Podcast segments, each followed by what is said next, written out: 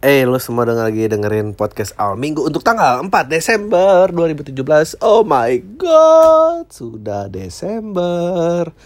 Tahun ini cepet banget. Um, ay, sudahkah kita perlu melakukan kilas balik tahun ini? Kilas balik tahun 2017. Um, I don't know man, buat gue 2017 luar biasa baik. Anjing gue beneran lagi tanpa ada persetujuan minta ngomongin 2017 uh, LPLK lahir uh, masih ada satu lagi Surabaya. I think masih lanjut sekali lagi. Mungkin Jakarta will working uh, we're looking at tanggal 10 Desember di Salihara. Gue bikin kecil aja 200an so we'll see. Uh, semoga terrealisasi karena um, ya you know lah gue uh, self finance gini nggak ada nggak ada apa namanya nggak ada sponsor gitu. Surabaya uh, gue dikabarin sih katanya tinggal 100 lagi. Please please please please banget hubungin uh, komedi Sunday gitu ke atau enggak ke Meryl 0812 6666 467 atau ke Lila 0822 3257 3835 please itu tanggal 17 Desember tanggal 16 ya gue bikin uh, eh, gue ngelakuin set Inggris tapi nggak akan bawain lo pikir lo keren itu ada di ke Inggris di Malang. Kayak ini terbuka untuk 50 orang doang deh. Apa 100 pokoknya dikit kok nih. Um, apa Muzaki 0857 4609 9275 atau di Sukraj 0838 7957 2482 atau di Adit 0857 3162 9766 um, ya uh, apalagi ya gue kok sibuk ya tiba-tiba. Um, um, ya 16 di Malang 17 di Surabaya tanggal 22 uh, eh, di Mer Mer di Institut Prancis. Gue ngebawain untuk tak untuk uh, dekat uh, RL dan Clav dan Purple Duct Tape uh, untuk tanggal mana sih nih tanggalnya? 22 shit.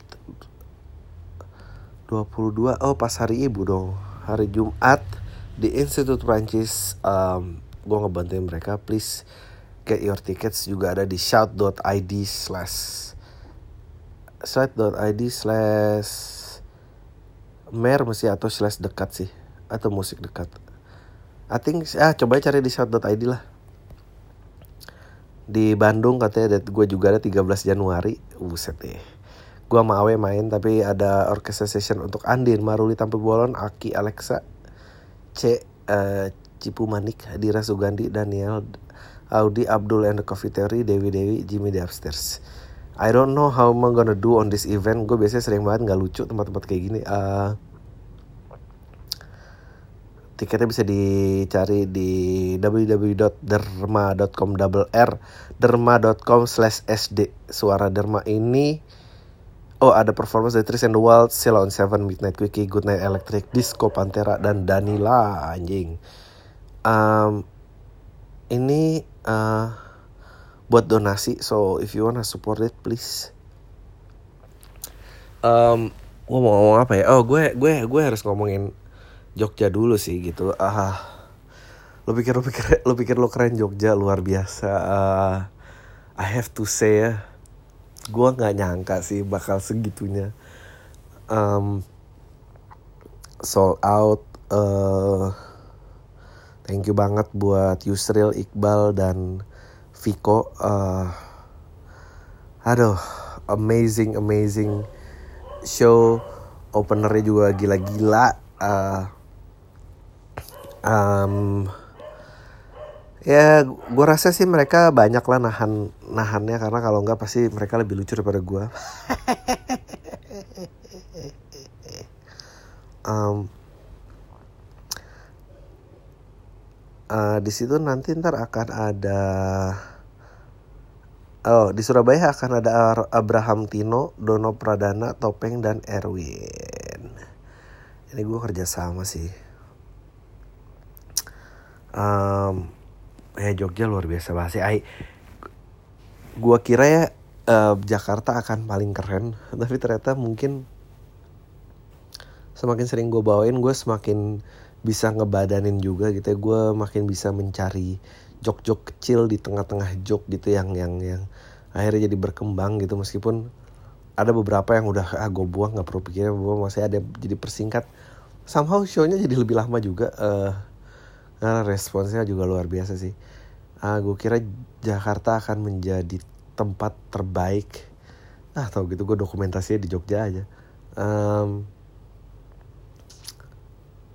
apa? Jakarta main tiga kali. Dan gue dan ke yang kedua paling oke okay menurut gue sore malam malam itu oke okay banget. Yang bulungan ya masih keren yang sore tapi begitu Bandung Bandung kayak yang sorenya kan nggak sold out ya terus uh, itu juga seru banget. Malam lebih seru lagi. Um, ya udah habis itu Jogja itu Surabaya I cannot wait. Cannot wait. Malang nggak gue bisa pemanasan dulu semoga Malang nggak ngebom lah. Uh, ya banyak banget review-review yang kalau mau lihat reviewnya ada di likes Twitter gue. Um, orang tuh gila-gila setlist gue diambil lah. Aqua bekas diminum diambil lah. Um, iya jadi gue kayak I'm very honored man. I think gue nggak tahu sih gue harus ngeliat catatan gue lagi. Maybe udah ada sejam dan gue harus latihan sejam yang baru ini harus gue lupain. Uh, eh, gue harus jadi kembali lagi ke komedian yang paling gak lucu karena you know you have to throw away. I think gue harus belajar menikmati prosesnya sampai akhirnya jadi lagi. Dan ini momen-momen di mana um, ya gue insecure lagi you know you don't know what jokes that works. Um, um, ya gitu deh. Aduh gue ngomongin apa ya? Gue nggak tahu ngomongin. Gue kemarin tadi sempat lihat Twitter. Um, katanya diprediksi uh, pemilihan presiden anjing masih 2017 dong ngomongin pemilihan presiden 2019 gue gue malas kayaknya 2016 tahun yang nggak oke okay buat gue 2017 oke okay banget kayak 2018 akan nggak oke okay lagi apalagi kayaknya udah mulai panas nih perdebatan presiden. Um, dan kayaknya kayaknya Prabowo majunya manis nih ya, feelingnya gitu. Kasihan juga ya si Sandiaga Sandiaga One itu cie uh, nomor uno um, apa? I love how akhirnya apa Alexis jadi foreplay tuh gue seneng banget sih. Maksud gue kayak aduh gue tuh gue tuh bingung kayak mereka tuh kalau rapat gitu kayak ada nggak ya titik penyesalan di mana kayak Pak akhirnya berubah nama. Aduh kan saya udah bilang waktu itu janji-janji nggak maksudnya ada gak ya kayak gitu? Apa emang mereka juga udah tahu gitu? Ini nggak ada gitu kan emang ya ini dulu kita larangnya tutup. Maksudnya ada konspirasinya gitu. Gue bukan menuduh orang konspirasi aduh. Fak lah nih penyiaran penyiaran gini gue ngeri banget. Ditangkep. Tapi you know like gue gue penasaran gitu uh, pilkada katanya 80% pem, uh, pemilu katanya 80 persenan juga partisipasinya. Meaning bener gak sih? Maksudnya coba kita kita teliti gitu ya dengan dengan seksama. 80% kita 230 juta. Menurut lo 230 juta anggaplah 50-50 lah 17 tahun ke atas dan di bawah 17 tahun. Berarti we have around like what 165an ya 165 165 juta itu 100% meaning kalau ti, kurangin 30 kurangin 33 tuh berapa? 132 juta. 132 juta warga Indonesia voting. Lu percaya tuh 132 juta? Lu percaya? 80% loh katanya. Gue sih ragu ya. Kayaknya kayaknya feeling gue kalau mau real gitu ya. Kalau ah bodo amat lah gue nggak nggak script ini kita lihat nih pembicaraan mengarah ke mana. Lo bisa kebayang 130 juta. How like uh, bioskop aja itu bioskop itu ada sekitar uh, ya gue karena lagi banyak melihat memperhatikan perfilman jadi belajar gitu. Lu lihat Counter 21 I think uh, layar bioskop gue ragu layar bioskop tuh sampai 300 seluruh Indonesia. So meaning itu juga banyak banget uh, berapa provinsi teaternya satu gitu atau kayak cuma di ibu kota provinsi kota-kota lain nggak ada gitu. So maksud gue ya lu orang ke bioskop aja nggak bisa gitu. Terus orang mau eh ya mungkin gue salah kali soalnya tapi kan tapi kan bang Adri kalau TPS kan nyamperin uh, eh, RT dan RW sekitar ya tapi gila RW RW mana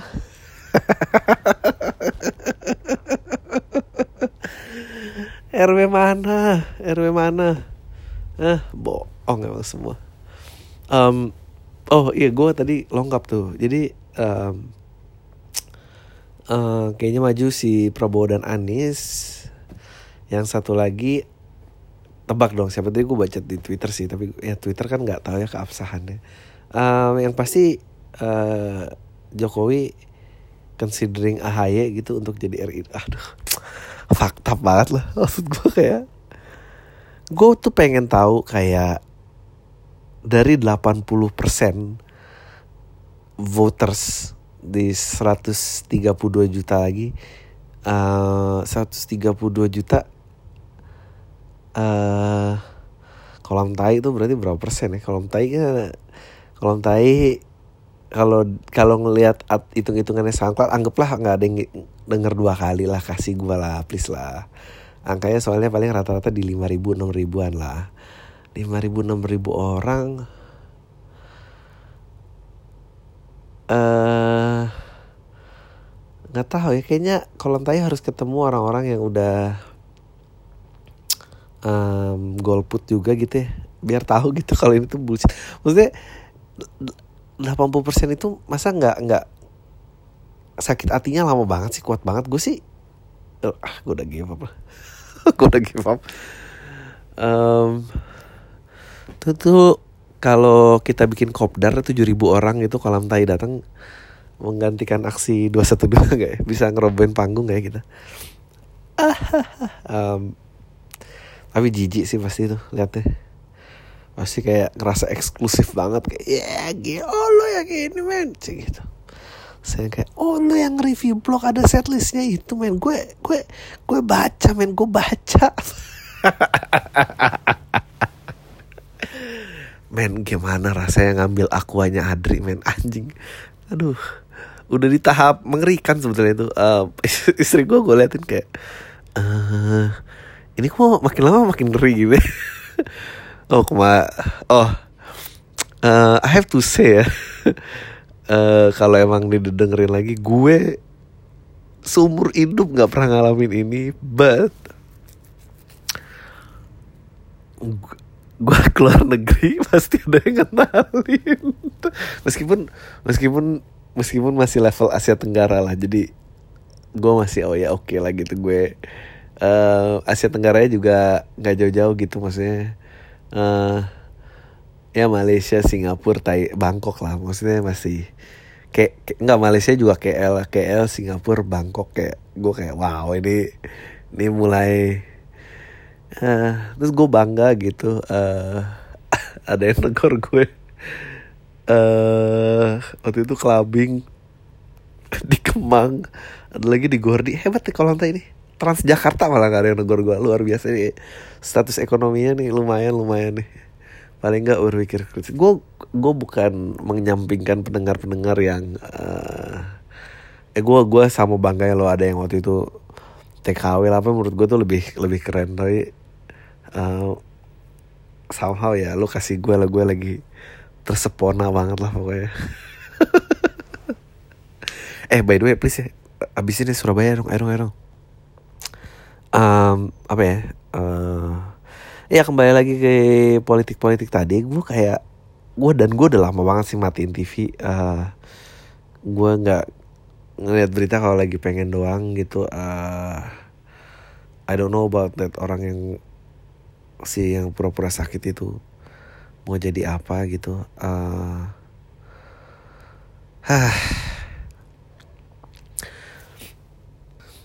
Kemarin um, ceritanya gue ngobrol gitu sama teman gue um, ngomonginnya bukan masalah demokra eh, demokratisasi juga tapi demokratisasi industri hiburan lah gitu. Uh, dia orang bank dan kita sama-sama ngobrol. Very interesting how to see um, tentang pasar apa sih yang disebut ma ma pasar mayoritas Indonesia gitu ya uh, dengan dampaknya online gitu yang yang penetrasi online semakin terasa uh, shift orang tentang kita kita tahu media cetak mulai ditinggalin gitu ya um, uh, I don't know il feeling gue setahun atau dua tahun lagi kita akan mulai lihat eh, koran-koran yang judulnya lu pikir bakal bertahan sampai akhir zaman ternyata enggak gitu ya. Uh, uh, kalau tabloid yang Jakarta, gue nggak tahu ya. Hai itu ada nggak ya pokoknya Hai uh, udah nggak ada, FHM nggak ada, uh, Rolling Stones masih bertahan. Uh, Hai nggak ada main gila tuh ikon Jakarta anak muda banget tuh. Um, itu nggak ada FHM kemarin ada satu lagi deh gue lupa lah um, you know apa tujuannya kan when there's people kan sebetulnya ada market kan so you want to lu pengen serve gitu lu pengen layani kebutuhannya apa dan lu pengen connect uh, dari penjual ke customer gitu. Nah terus kayak tadi ngelihat jumlah teater gitu kayak gue rasa uh, angkanya tuh bioskop tuh hanya melayani 30% masyarakat Indonesia which is uh, kalau lu 230 30 persennya meaning sepertiganya 230 sepertiga sepertiga sepertiga tuh um, like 7 77 jutaan like 77 jutaan and then uh, 77 jutaan meaning kalau lo makanya nih lucu banget.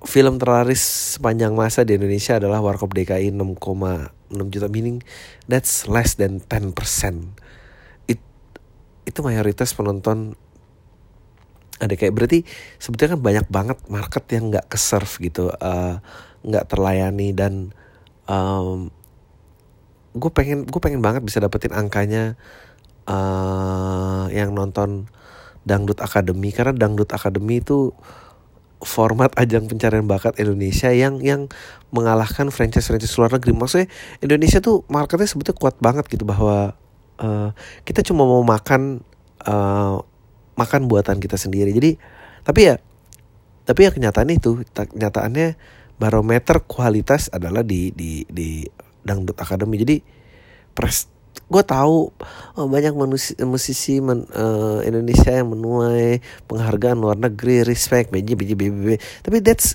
that's very small that's almost um, uh, nggak nggak nyata dan dan lo jangan ngomong tapi kan itu kualitas itu jangan ngomong itu gue lagi ngomongin market nih gue nggak ngomongin itu dan um, apa dan gue nggak tahu lah titik kolam tai di antara market itu tuh kecil sekali. Nah, kembali lagi. Jadi kalau di Amerika, Amerika yang dilayani oleh TV dan tabloid-tabloid, tabloid atau koran cetak itu mungkin 80% dari warganya. Jadi ekspansi market pun udah mulai penuh karena sudah terlayani semua. Nah, pada saat terlayani itu kan of course uh, terciptalah mogul-mogul bukan mogul ya kayak yang memonopoli market di kategori tertentunya gitu uh, maksudnya raja majalah siapa raja koran siapa raja ini siapa dan memang sifatnya pembaruan teknologi itu selalu uh, disruptif. Uh, teknologi itu akan selalu menghasilkan te- uh, status quo gitu. Kalau lo nggak percaya lo cobalah tonton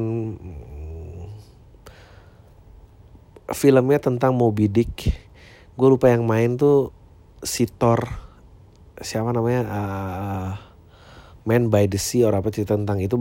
Di situ diceritain bahwa hmm, waktu itu teknologi manusia mulai mengalahkan malam dengan menciptakan lilin. Jadi dia bisa kerja di semalaman. Uh, uh, lilinnya itu uh, apa?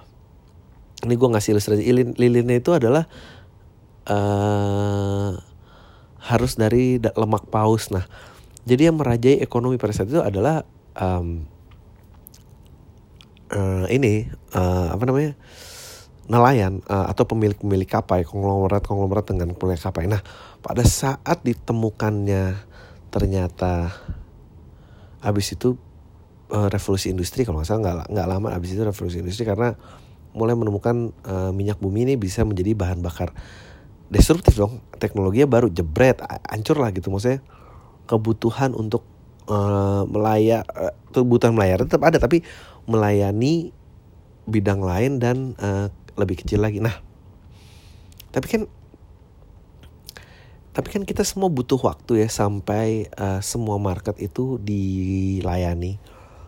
Nah, kembali ke Indonesia, kembali lagi misalnya kita patokannya dangdut akademi gitu. Sebenarnya berapa sih rakyat Indonesia yang dilayani oleh TV gitu. Nah, uh, tabloid-tabloid tadi udah mulai hancur. Sementara gue yakin tabloid itu di daerah lain belum punya benda yang namanya tabloid gitu.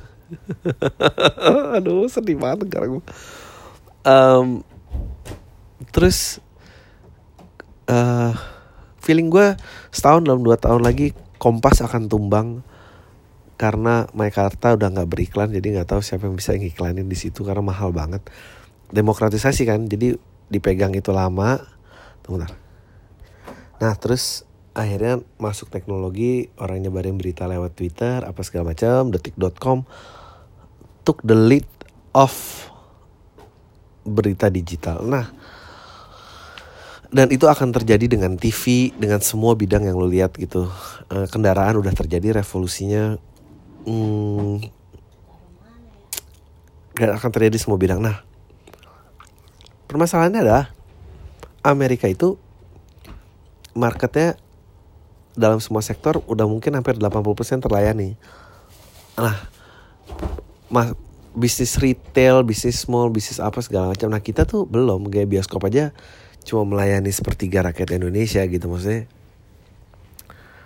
Sepertiga um, penonton terlarisnya aja nggak nyampe 10 persennya gitu. Eh, sepertiga rakyat Indonesia, sorry ya 77, iya bener. Um, nah, permasalahannya dengan market yang belum terlayani dan teknologi yang selalu memecah status quo itu gimana ya caranya mentap market gitu? Apakah lebih baik stay dengan cara lama sebelum dibongkar gitu? Uh, gue gue ragu gue gue ragu kalau misalnya akan ada sebuah you know market yang langsung lompat gitu. Jadi misalnya dia nggak pernah ya banyak sih market yang langsung lompat. Misalnya orang nggak pernah punya video tiba-tiba dia langsung di DVD aja karena bajakan banyak waktu itu. Dan DVD nggak ada terus nanti dia akan kayak penetrasi kredit card itu sama TV kabel nggak nggak nyampe 10% warga Indonesia kok. Dan uh, gue tuh sebetulnya bukan anti demokrasi itu I'm just saying bahwa uh, ini kita baru dari ekonomi ya gitu. Maksudnya belum pendidikan belum apa kayak demokratisasi itu apa sebetulnya? Sedap. Aku sebetulnya sangat kirian orangnya. Ya. kamu ngapain sih kayak gitu? Kehilangan kartu-kartu. Biasalah dia emang jarang dengerin gue ya yeah, I I think that's my worry dengan teknologi gue it's not gue bukan um, you know gue bukan anti teknologi sebetulnya. Gue worry dengan uh, maturity sebuah market. Katakanlah kita anggap semua orang market lah nggak ada perasaannya. Uh, yang dijajali dengan pembaruan yang nggak bisa memaintain overloadnya informasi. Gue uh, look at uh, apa nggak tahu gitu gimana bisa memajukan orangnya. I mean, lu lihat lu lihat Amerika aja yang 80% 80% diserve oleh kemajuan teknologi. Misalnya katakanlah sampai TV dan DVD gitu ya. TV deh. Sampai TV terus digitalisasi memecah-mecah belah itu dan menserve dan meluaskan market lagi. Itu aja yang konservatif dan radikal yang tadinya eh, akhirnya dia oh maksudnya dia connect dengan 20 lah, katakanlah yang mature 80 anggaplah semua orang mature deh. 20% sisanya aja creating riot aja negara lo bisa kayak gitu. Nah gimana Indonesia gitu? Maksudnya um, hoax yang mudah terbakar dan semua orang percaya dan apa itu menurut gue kalau ada orang yang komen di di sosial media goblok banget sih orang kayak gini nggak ngerti atau apalah yang kayak gini. Kenapa sih semua nggak ada ini? Lah menurut gue ya kenapa lu kaget gitu? You accepted this gitu. Lu lu accept lu accept semuanya gitu. Fuck ini akan jadi materi baru gua kayaknya nih. We all guilty of it gitu. Maksudnya um,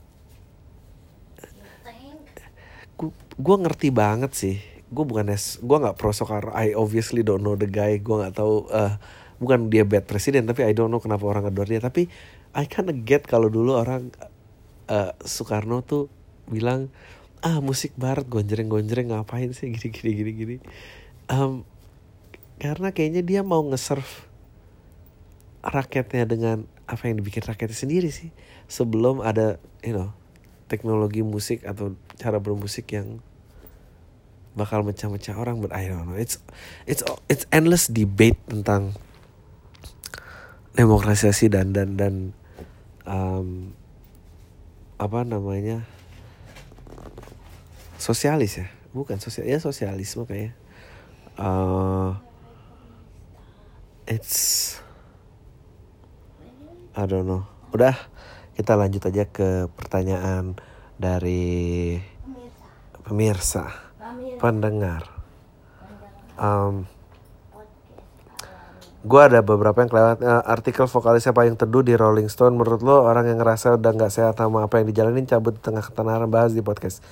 Um, I gue tuh antara setuju dan tidak setuju dengan apa yang dia bahas. Uh, karena menurut gue you know I mean kalau lu udah main lama di situ if if you wanna play the game then play the game gitu maksud gue gue nggak ngerti. Ya walk out walk out aja gitu. Gue gue respect orang walk out. Gue mungkin caranya kali ngapain sih dia ngomong gitu ke media? Kalau gue sih ya udah walk out aja. Teman-teman lu nggak ada yang ini kan ya udah out aja. Maksudnya ada kok um, gue suka banget band R.E.M itu drummernya cabut. Dia uh, dokumenternya sih keren banget. Dia nggak ada yang ya udah cabut aja gitu gue udah capek. Tapi bandnya jangan bubar ya please.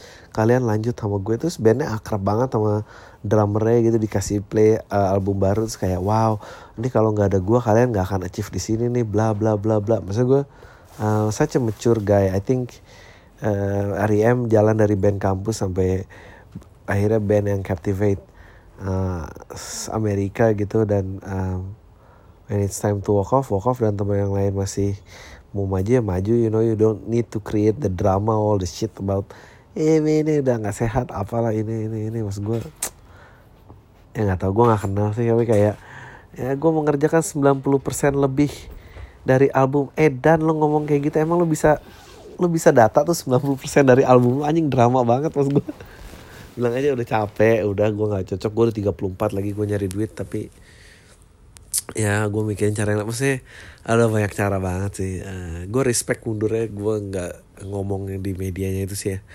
Aneh. Kalau gue kalau gue gue mau loh. Maksudnya gue kalau ditanya ada orang ntar ada yang nanya nih di kenapa gue gabung MLI atau apa gitu. Maksudnya eh, Majelis Lucu Indonesia why not? They're funny and then mereka lagi hot-hotnya sekarang dan you know exposure-nya gede banget dan mereka lucu. Itu sih yang paling penting buat gue. Um, karena gue kalau ditanya mau seidealis apa pun gue gitu ya sekarang gue actually having hard time gak ada sponsorship. Meskipun gue happy artistically gue happy tapi gue susah banget gak ada sponsor. Gue nggak bisa plan gue nggak gue gue struggle. Karena gue kalau ditanya lu rela nggak stand up lu gini dong jawabannya nggak rela lah. Gue mau play this game ya gue mau inilah gitu. Kamu ngapain sih? Um, oke. Okay. bahas bitcoin di podcast. Menurut lo di depan masa depan fisik yang bakal cashless nggak? Um, iya ada ada beberapa negara yang bakal cashless. And again uh, apa uh, again um, gue bukan menolak teknologi permasalahan. Gue per gue pernah ke museum uh, Bank Indonesia terus ngomongin tentang siklus perputaran uang dan bagaimana uh, enggak maksudnya banyak provinsi yang masih kayak perputaran uangnya lama dan duitnya udah lecek-lecek gitu kayak uh, maksud gue anjing ini tuh bukan masalah teknologi ya masalah membangun orang dengan infrastruktur. Kasihan menurut menurut gue kasihan masyarakat yang infrastrukturnya belum jadi and then lu layani dengan teknologi maya. Lu ngerti gak sih maya? Maya tuh nggak ada gembel maksudnya Gembel. maksudnya nggak there will be no buildings be- kayak gue tuh sebel sama program kayak My Trip My Adventure.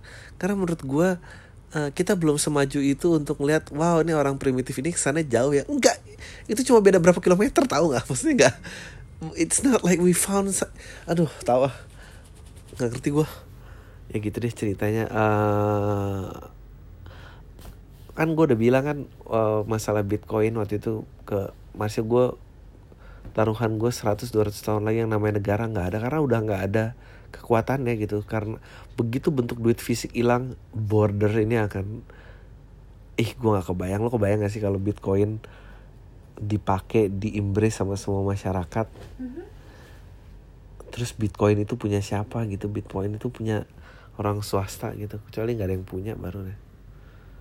Eh, bang minat ngebahas komersialisasi dunia hantu di pertelevisian nggak? Karena saya pribadi nggak percaya hantu.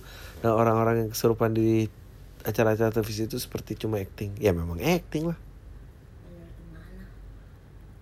Gue nggak ngerti. Ya cuma acting um, eh ya udah ya. Apaan yang for me gue sih menikmati kalau film horor. Gue eh, salah satu penikmat film horor karena horor tuh jelas perasaan yang mau dicari apa ya takut gitu. Menurut gue kalau tak lo nonton horor takut tuh sama kayak lo nonton ke acara stand up lucu gitu. That- I think that's the whole point. Nggak ada gunanya lo ke acara stand up terus kayak enggak lah dia. Terus menjudge enggak dia nggak selucu itu. Itu sama kayak orang-orang yang di horor. Enggak lah yang nggak takut. Cemen banget sih lo takut. Eh, lo ke sini mau ngapain? Gitu pas gue Eh, itu eh, ke disco nggak joget ya kan Eh, ke konser musik nggak joget itu sama tuh orang-orangnya tuh Bang, tolong jawab di pam. Bisa jelasin maksud last beat lo di Stand Up Fest 2015 tentang relationship kalau kita bisa balik mundur ke waktu lalu, thanks. Ah, lo gak ngerti ya beatnya? Ci gitu. Beatnya itu kan gue bilang. Di sini sih, lu pengen nggak tentang kayak eh kan gue tanya lu pengen tahu nggak kalau pasangan lu pengen tahu nggak cara cara lu tahu kalau pasangan lu tuh adalah orangnya orang yang lu cari selama ini? Nah cara taunya adalah gue udah tahu cara taunya adalah bayang kita semua ini kan semua punya penyesalan. Bayangin kalau kita bisa muter waktu dan kita lakuin apa yang nggak bikin kita nyesel semua tuh dari mulai namanya milih kerjaan A yang gajinya lebih kecil tapi lu suka tapi ini eh, perusahaannya keren tapi kerjaan lu nggak suka mestinya lu pilih yang gajinya kecil aja. Mestinya dulu gua ngelawan orang tua gua aja gua milih jurusan yang gue percaya atau mundur terus sampai zaman lu dipelorotin celananya sama temen SD lu. Mestinya waktu itu gue pukul aja. Nah kak bayangkan kalau lu bisa ngerjain itu semua lu pukul orangnya lu ngambil jurusan yang lu suka lu kerja yang lu cintain gajinya oke apa segala macam. Nah pada saat lu mencapai itu semua lu lihat cewek lu yang sekarang itu dia bukan orangnya. Dia bukan orang dia masih orang yang lu pengen pacarin nggak? Kalau bukan ya ya berarti lu salah pilih gitu maksud beatnya.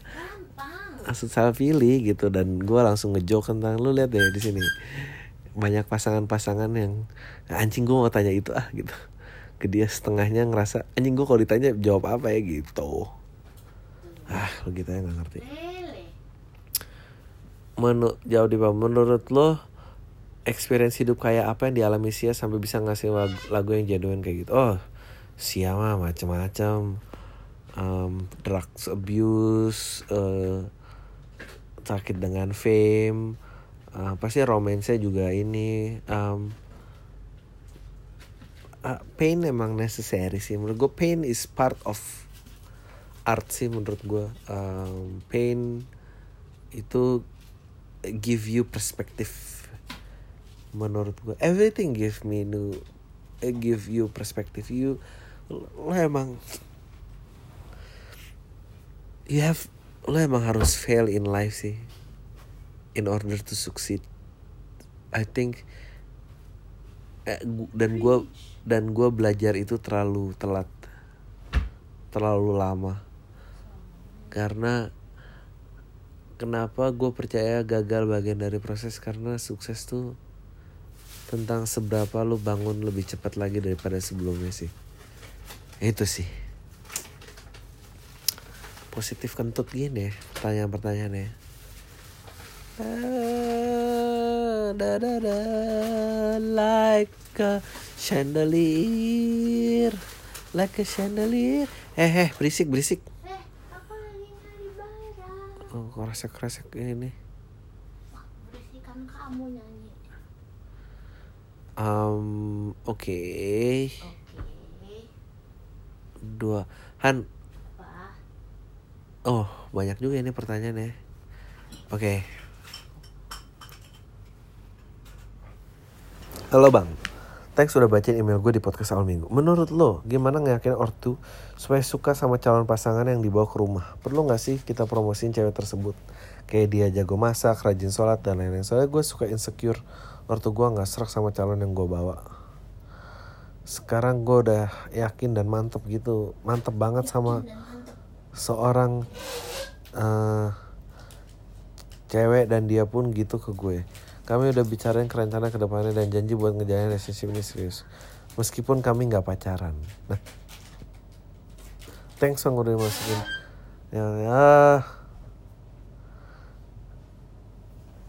Menurut gue sih kalau promo itu membantu ya promoin aja maksud gue. eh apa namanya? ya kenapa enggak gitu. Dan menurut gua kalau ngenalin bukan masalah ngenalin ya sih masalah oh lu cowok ya di sini pengen bawa cewek ya? Eh ya menunjukkan kalau orang yang pengen dikenalin tuh pengen dikenalin juga gitu. Jangan kayak enggak apaan sih orang aku belum siap gitu. Terus dibawa dijebak. Ini orang tuanya gitu um, it'll be fine. Ditolak juga emang bakal diapain sih nggak diapa-apain lah Eh, Bang gue mau tanya gue mau cerita tentang dosen gue yang 40 tahunan yang suka niru-niru hal yang lagi viral kayak kids zaman now. Menurut lo gimana? Sementara sekarang banyak guru yang disuruh menyatu dengan muridnya supaya proses lebih belajaran lebih belajar lebih lancar. Gue sendiri sih nggak suka dosen-dosen yang suka niru-niru gitu. Kasian juga karena nggak sesuai umurnya. Gue lebih suka dosen yang lebih fokus ke konten tapi penyampaiannya enak diselingi komedi gitu bang. Bedanya apa? Ngerti gue. Makasih ya bang.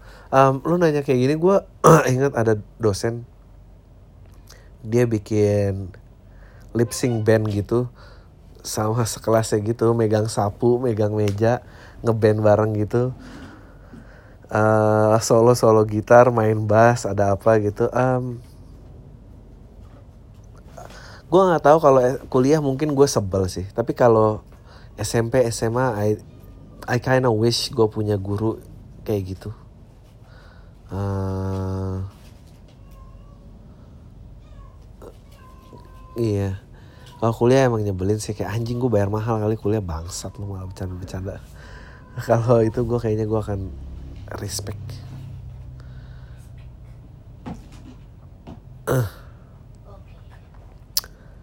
Oke, Bang Ari, gimana nih cara ngedeketin kakak tingkat? Karena pride pacaran sama kakak tingkat tuh tai banget. Gimana perspektif bini lu sebagai seorang cewek yang dideketin adik kelasnya? Thanks Bang, salam tai. Anan sih, kamu gimana kalau dideketin adik kelas? Kamu pernah gak dideketin sama yang lebih muda? Ter- pernah terus sini dong Apa? gimana caranya Cara Adik nolak, kelasnya- cara apa sih? Cara biar dia suka nih orang ini mau ngedeketin Biar kakak dia kelasnya suka. waktu itu orangnya nyebelin apa Oh, ini SMP SMA ini umur berapa? nggak tahu SMA. oh ya, terus Ya kalau SMA mah semua orang senang diedor. jadi kalau ada adik kelas Tunjukin yang deket-deketin- aja. deketin deketin gitu lumayan ya Tunjuk- Iya tunjukin aja. Apalagi misalnya dia statusnya baru masuk sekolah itu eh, ada pride-nya lagi misalnya jadi perempuan um, SMA SMA-an gitu untuk yang kamu di kelas berapa dideketin sama kelas berapa kelas 2 dideketin sama yang baru masuk. lucu banget Iya, jadi apa orangnya sekarang mana aku tahu. cari dong aku mau lihat Aku nggak suka karena dia anak mobil. oh kamu tahu dia anak mobil kamu pernah diajak keluar Iya pernah. iya nih kak jalan ini geng Asia, aku Afrika. prank gitu Iya. astaga naga terus kamu gimana Ya nggak tahu ya aku mah nggak suka sama anak mobil. itu kamu dari semua bentuk geng cowok ya paling gak suka anak mobil ya Iya. I'm saying it loud and clear. terus kayak kalau kalau kakak sukanya BMW sama Mercy? Iya. ih shit banget. Anak orang kaya. Tongkrongan gitu loh, kayak iya atong know, aku tuh nggak eh iya. anak mobil tuh maaf ya kalau ada yang mobil I'm just saying my piece bahwa kalau anak mobil itu eh respect pertama tuh nggak sama pacarnya tapi sama mobilnya. Iya t- dan kayak apalagi SMA gitu kan. SMA cewek-cewek lagi eh, centil gitu. Misalnya kalau diajak ngedate gitu ke salon dulu atau apa gitu. Ya kalau dia ke salon dulu tapi diajaknya ke jalan Asia Asia, Afrika. Afrika, terus lepek kayak they got no respect for the girls aja menurut aku for the effort apa gitu. Tapi Ya, terus eh terus abis nongkrong belum tentu lo akan dinner berdua lo pasti sama temen tongkrongannya lah sama tapi jadi kalau kalau kalau ngedeketin kakak kelas tuh gimana? Eh ya tunjukin aja lo eh, mengagumi dia. Dapat yakin aku. We don't know anything. Kalau kuliah? nih satu SMA ya. Kalau kuliah, agak, agak beda ya aku nggak pernah ada di posisi eh, tapi misalnya kamu wishing ada? Ada. Ternyata ada. Aku baru tahu pas aku udah lulus. Terus? Cuma ya nggak ketahuan karena dia cuma kayak ngomong ke temen seangkatannya kayak gue suka banget sama dia. Cuma gitu doang loh. Oh ya katro paling uh, uh, Eh, menurut kamu ngaruh. cowok tuh ngegeng keren sampai umur berapa? I think there has to be an end sih dari cowok SMA saya. Kuliah ngegeng aja udah gak keren. Bukannya cewek-cewek banyak yang suka kayak, eh gue masuk ke circle-nya ya. ada kali nggak tahu Ah gue gak tahan sih. Kalau lihat cowok ngegeng tuh apa pun bentuknya mau mobil kayak mau apa kayak kayak hmm. gila loh. udah ya Eh, eh. aku lagi kehilangan kartu kartu Gue lagi mau bilang Wolf tuh hunts alone, gak ada yang wolf hunts together. Ah bangsat lah. tapi kamu ngerti maksud aku Iya tapi nggak keren tuh menurut aku ngegeng tuh ya gue juga nggak ngegeng sih Oke Ah, uset deh banyak banget nih email. dari kapan ini emailnya seminggu kan aja kemarin eh, Jogja. nggak dua minggu gara-gara pas Jogja aku terbitin yang tamu. emang belum dilihat mana yang bisa dibaca mana yang Nggak baca aja lah semua. Sampai jam berapa Ini baru 43 menit bawel. oh Halo bang, sebelumnya gue mau bilang kalau podcast awal minggu lalu lo sukses buat gue diliatin satu gerbong lantaran pas lo ngebahas korupsi soal papa. Gue mau minta wejangan bang, gimana caranya ngadepin cewek yang ngebales chat terkadang singkat dan tiap kalimatnya diakhiri sama tanda titik seolah dia ketus. Padahal sebelumnya dia nggak kayak gitu Iya, sama dia gue. suka sama. Dia nggak suka sama lo. Di sisi lain gue sama dia udah sama-sama tahu soal perasaan masing-masing yang suka sama suka lah. She has a change of heart Ya, atau dia ada cowok lain. Coba gue kalang di posisi yang dia anggap sebagai friendzone dan akhirnya kita ngejalin HTS selama berapa bulan. HTS masih ada Ada kali dan tiba-tiba dia ngomel ke gue nggak tahu kenapa. Mungkin ah gue tahu dia ngomel ke da, dan tiba-tiba dia ngomel ke gue nggak tahu kenapa dan itu udah berjalan sekitar 2 tahun yang lalu, hah? Hah? Gue udah coba buat deketin orang lain tapi gue nggak nemuin kebahagiaan yang gue bisa dapat dari si dia Allah Enggak, itu lo Enggak, obses karena obses. masih ada yang gantung. Eh, eh, apa yang kudu gue lakuin bang? Makasih bang. Salam buat ibu kalbi dan suaranya yang lucu. No. Eh, lu tahu gak sih ibu kalbi itu istri orang? Goblok. Eh, apa namanya? Nggak menurut gue si cewek itu udah ada cowok lain satu. Kedua dia marah sama lo. Pasti lo pernah menceritakan sesuatu tentang dia ke temen lo yang lo sangka nggak akan balik ke dia dan itu balik dan dia tersinggung. Ya anjing lo nggak ngaku HTS ini, ini ini. Pasti lo ada cerita yang tengil. Ya ya gue jalan gitu ya. Ini ya biasa lah gue cima eh, pasti ada gitu gitunya deh yang nyampe kayak ih brengsek banget kalau ternyata ember sih. Feeling gue ada gitu ya. Ember. Udah cari aja cewek lain Iya. Bang menurut lo umur berapa sih pakai baju artis-artis terkenal tuh berapa lama? Hah? Terus kalau baju bekas umur dikasih orang bilangnya apa?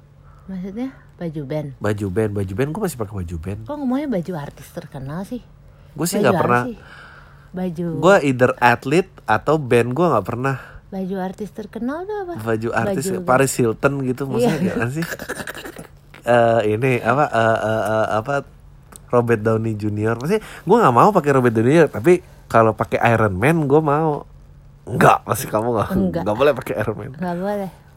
Iya gue gak ngerti Kalau Sampai berapa lama? Kalau lo nanya gitu berarti lo poser. eh, Iya tahu Kalau lo suka sih lo Suka akan pakai terus.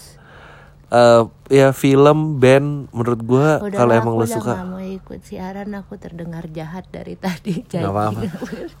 Poster Eh maksudnya Film, poster film, band eh, Poster film, band, atlet tuh menurut gue Sampai kapan pun sih Kalau emang lo Iya suka kalau lo suka dan emang ikonik sih nggak ada Heeh. nggak ada luar keep, ya, menurut gue sih keep it classic Eh, make sure kalau yang baru pun juga lo tahu lo nggak pretentious ya kalau keep it classic lo nggak bisa salah tapi kalau artis mah jijik Siapa sih banget gitu artis? Johnny Depp gitu, kaos Johnny Depp. iya masa lo pakai kaos Johnny Depp Nggak tahu.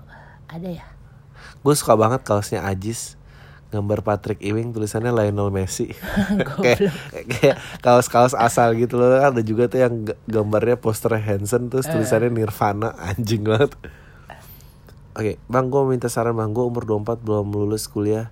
Cuma gue udah kerja dengan gaji yang cukup buat gue sendiri. Gue punya pasangan dan ortu dari pasangan gue udah nuntut nikah Lebaran tahun depan gue nggak punya tabungan awal. Gue bilang sama cewek gue, gue belum siap secara keseluruhan.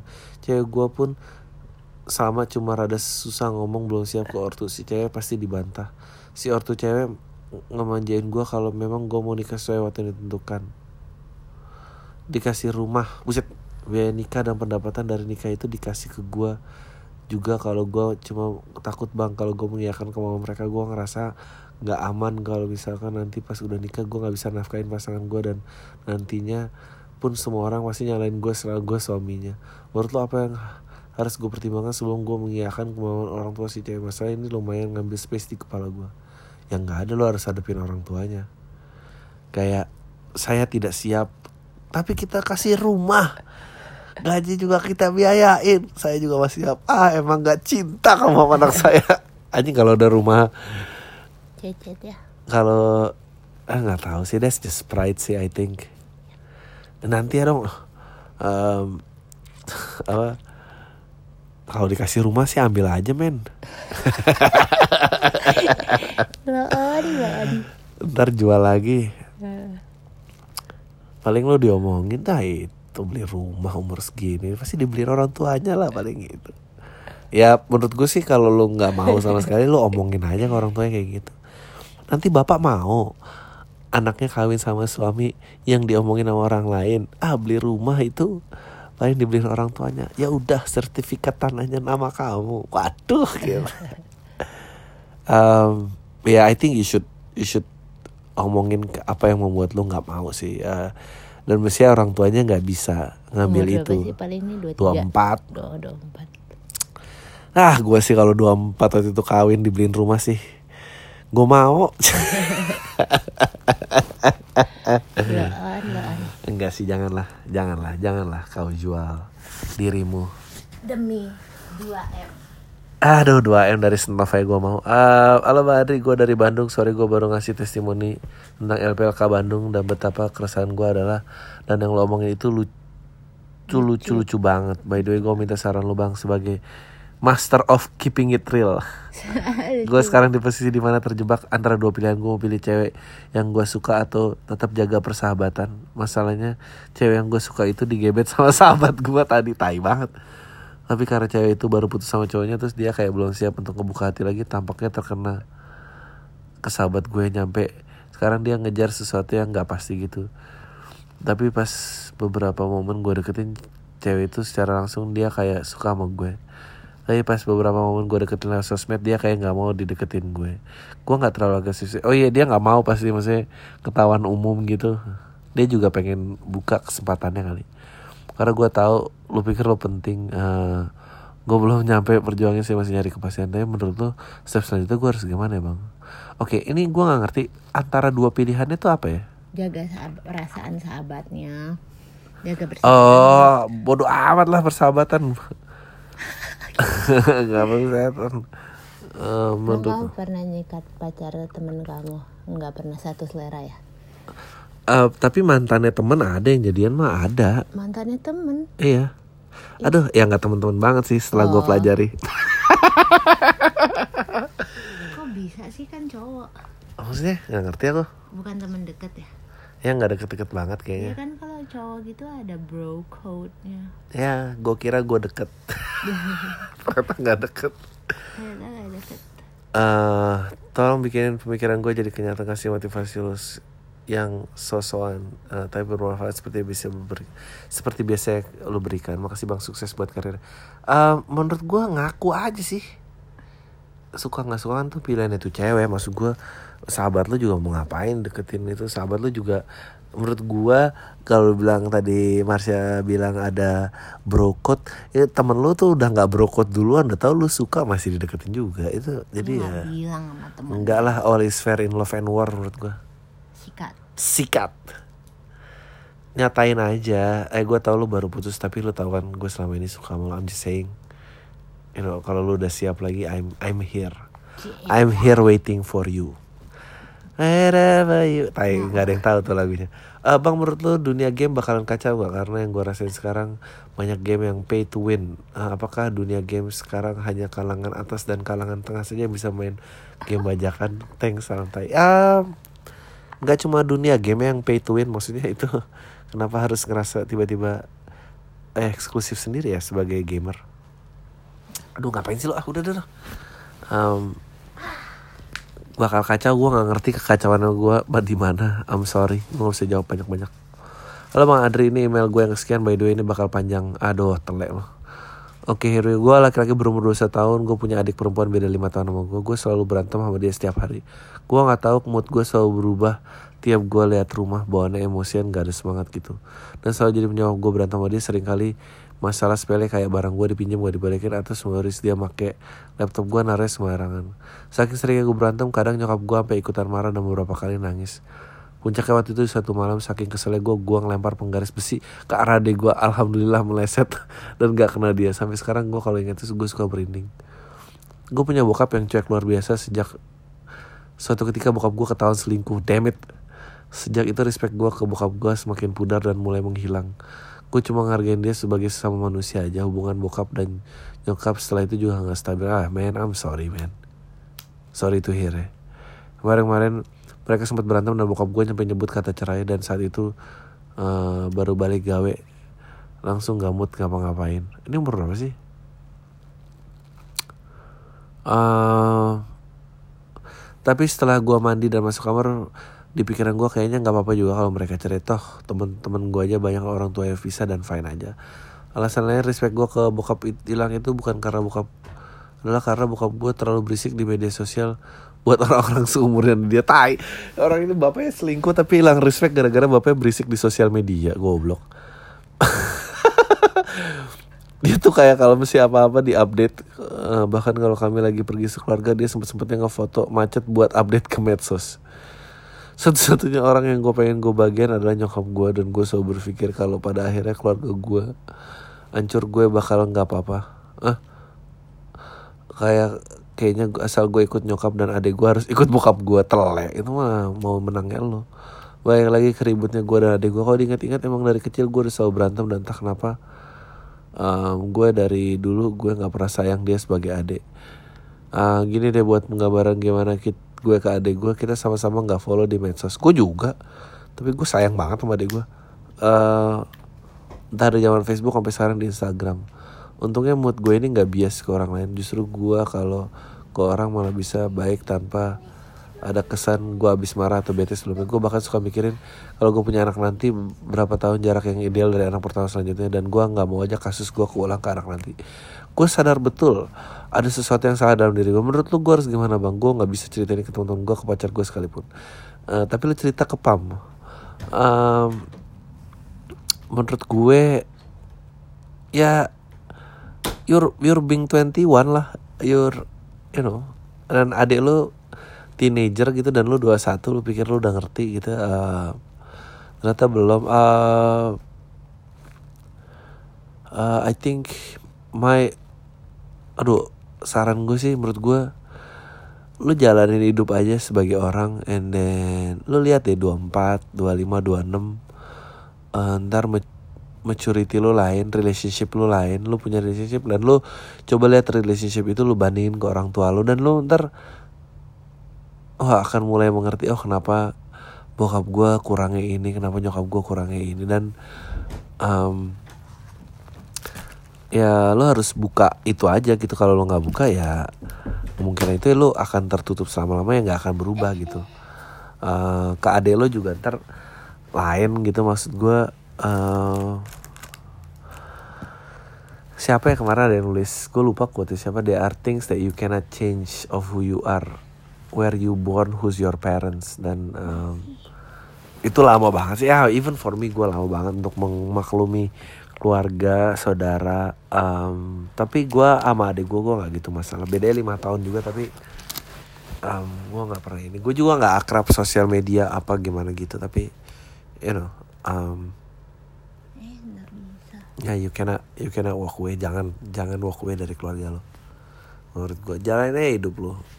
25 26 kalau lo masih dengerin podcast awal minggu lo update gue lo ngeliat bokap lo gimana. Anjing Oke. kalau se- oke. Apa ma- oke. Ah oke mulu. dia eh, nggak di oke seru juga ya dengar podcastnya. Eh, segar aja gitu eh, kegelitik untuk email. Podcastnya kan satu arah ya tapi pengen nimbrung aja syukur-syukur bikin bang Adris makin semangat untuk bikin podcast. Oke. Yang sesi sama Cefrina itu gue pengen nimbrungin yang gue dapet dari Cefrina emang mimpinya tinggal dan menetap di London backroom gue ya udah tujuh tahun kerja di luar In- Indo oh siapakah ini? Kerja luar Indo eh, dan lumayan lama. Lah kagak di Indo sebenarnya eh, nggak ngeh tentang Chef Rina itu siapa. Gue tukang masak. Gue kira sih tukang masak yang seksi seksi udah ngebahas Chef Rina gitu bang. Thanks udah google dia. Akhirnya gue Rina. Chef Rina lagi goblok. Gue baru tahu eh, tangga itu ganti nama dari Wikipedia pas gue dengar podcast lo. Eh asli fans lo gue menurut saudara-saudara gue atau teman-teman gue yang kerja di luar Indo itu enak banget.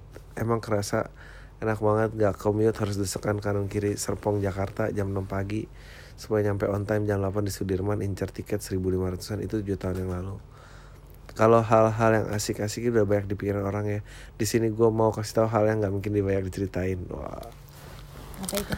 satu negara di sini tuh orang Cinanya lumayan banyak lah nggak tahu dia harusnya nggak gitu rasis compare di Indo.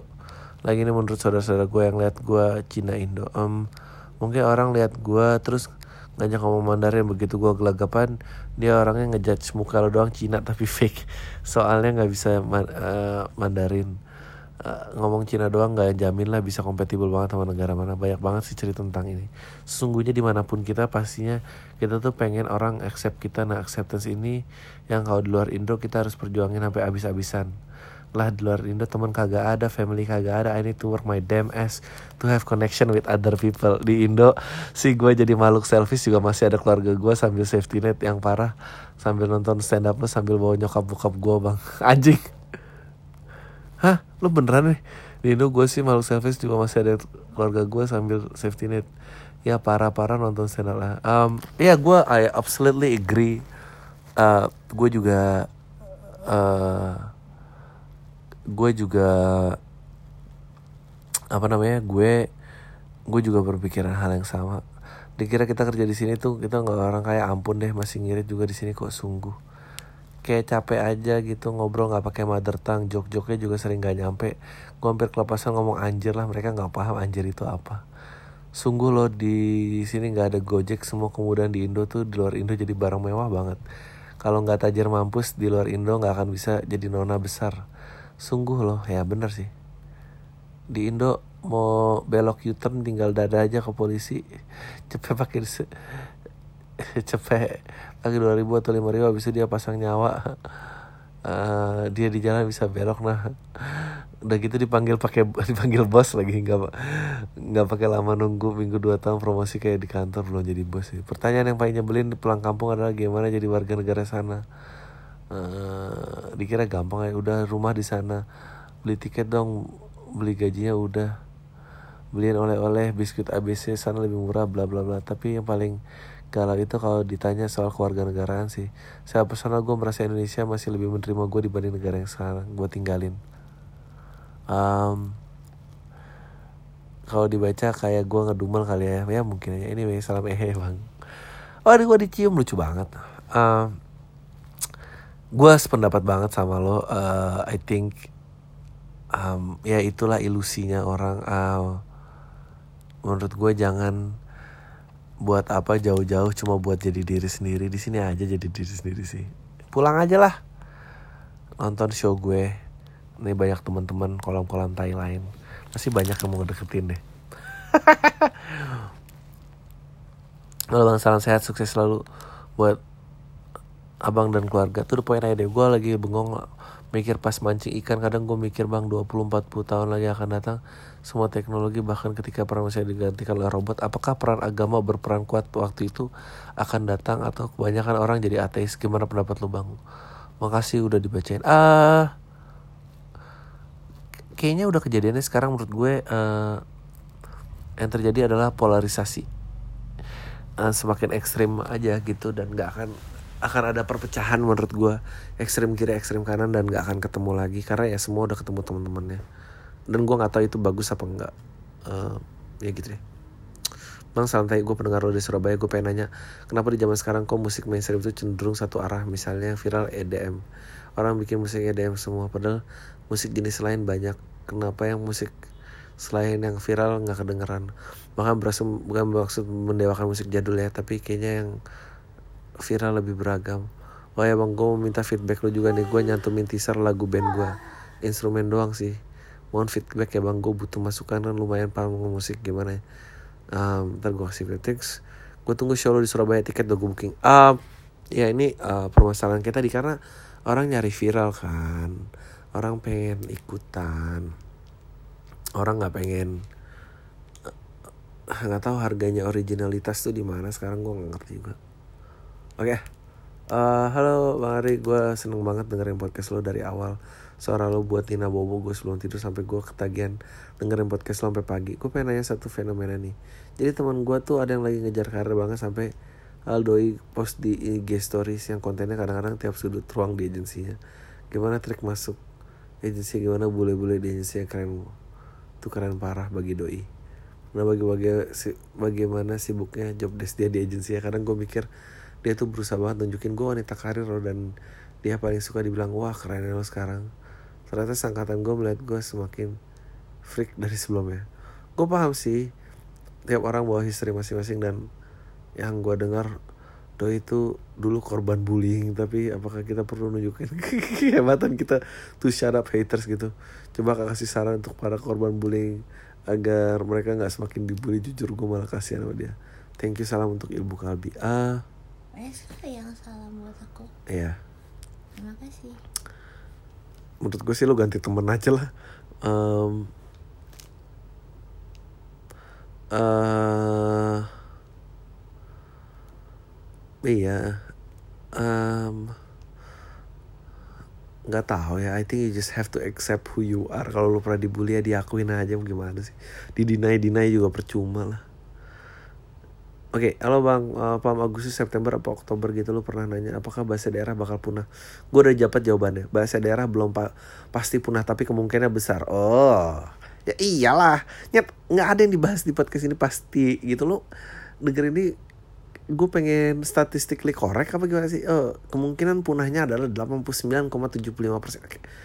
Aduh, aduh, ngapain sih lo ngomong kayak gini?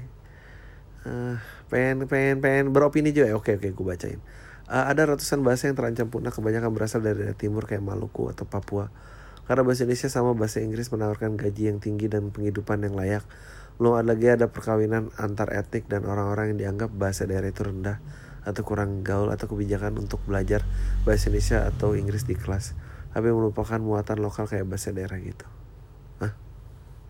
Eh lu berarti sependapat sama gue matai uh, by the way lo ngikutin Stranger Things nggak? Menurut lo lo bisa nggak bikin TV series di Indonesia dan laku? Uh, bisa bikinnya tapi laku nggak? Kayak format itu cuma lebih bagus dibanding sinetron dan ceritanya cuma bener pas episode-episode awal doang. Makasih udah dibaca. Uh, jawabannya kayak tadi karena maturity dari penontonnya tidak ada. Um, ya gitu deh. Berapa lagi sih nih? Oke lah kita bawa tugas hakim independen apa bang? Yang melucu aja nggak ada apa-apa sih MLI ya nih ceritanya Bang kalau mulai nulis blog bisa bisa terkenal nggak? Apa era blog udah over dan tergantikan oleh vlog? Oh, nggak bisa terkenal. Ya bisa sih kalau lu lanjangin artis siapa terus lu tulis blog. terus lu review artis A rasanya kayak ini artis B tergantung konten. Um, orang tuh bilang enggak main konten is king. Ya tergantung. Nggak ada menurut gue era udah lewat. Ntar yang ada kontennya makin ekstrim masih baru bisa terkenal. Oke okay. uh, kalau dibacain nama gue nggak perlu disebut. Oke. Okay. gue baru dengar pam tahun ini dan sebelumnya cuma ngikutin stand up modal YouTube dan TV gue pertama kali dengar nama lo disebut waktu Patra close mic di Suci 7 April 2017 dan gue ngecek komentar-komentar warganet hipster yang memuja-muja nama pahlawannya disebut. Langsung gue cari tahu lu siapa dan beberapa episode awal podcast awal minggu kemudian tanpa ragu terjun ke kolam tai. By the way, beberapa minggu lalu gue selesai nyicil semua podcast lu dari awal sampai terakhir dan gue selalu setel tiap commute. Gue nonton LPLK Jogja, pecah banget bang, mantap, totally worth it. Gue asal dari Jakarta tapi kelewat show lu Jakarta. Karena gue belum kenal lu, kelewat juga show di Bandung karena ketinggalan infonya. Nah saat itu masih dengerin episode 2016 Jadi kapan pakai sistem donasi macam Patreon bang? Lumayan bantu beli backdrop baru. Ada yang saya marah untuk nemuin maling backdrop. Lama boleh juga bang supaya kita bisa persek persekusi. Uh, Thank you banget ya. Thank you banget. Gue semoga lo betah sama gue. Anjing nih berapa lagi sih? 1, 2, 3, 4, 5 6 um, anjing masih banyak banget deh. Oke okay lah. Jangan sebut nama gue gue pendengar baru gue mau curhat. Gue udah putus sama pacar gue gara-gara salah paham. Dia ngerasa gue ngina dia padahal nggak sama sekali. Dia emosi gue emosi puncaknya gue minta putus tapi gue nyesel sendiri. Gue mau balikan tapi dia nggak mau rasain tapi sisi lain gue punya temen chat cewek gue klik sih sama dia. Tapi dia punya pacar tapi hubungan mereka nggak bagus. Oh, mendingan nung gue mendingan ngejar mantan apa nunggu putus cewek orang? Ya bikin putus cewek orang aja lah nggak usah ditunggu putus. Sikat men. Hah. Oke ini berapa lagi sih? Gue kayaknya harus stop deh nih. Satu dua tiga empat lima enam tujuh delapan sembilan sepuluh sebelas 12 13 ah udah capek udah satu jam 10 um, I'll continue the rest tomorrow. Eh minggu depan. Um, apa ya?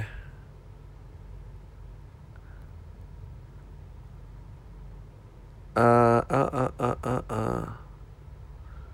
Oh ini terakhir deh Bang gue mau nanya nih. Kemarin gue nonton LPLK di Jogja Dan penasaran banget setelah lihat dan merhatiin dua tangan lo Garis tangan lo ternyata simian lain anjing Yang mau gue tanyain adalah kadang lo merasa spesial gak sih Karena garis tangannya cuma ada di 3% di seluruh populasi dunia? Makasih bang jawab di podcast. Kagak jawabannya. Lo freak banget sih Han. Masa ada orang yang nonton uh, Lo pikir lo keren di Jogja Salaman nama aku Dia sadar tangan aku garisnya simian line Simian line baby. Dia freak banget ngeliat Ngeliat Kayak gar monyet. Iya garis tangan yang lurus ini dua-duanya. Kayak monyet. Terus dia bilang dia nanya merasa spesial nggak? Karena simian lain cuma 3% di seluruh dunia. Artinya apa kalau punya simian lain? Nggak tahu nggak ada. Gak ada artinya. Nggak ada artinya. Yaudah itu aja. Lu semua. Deh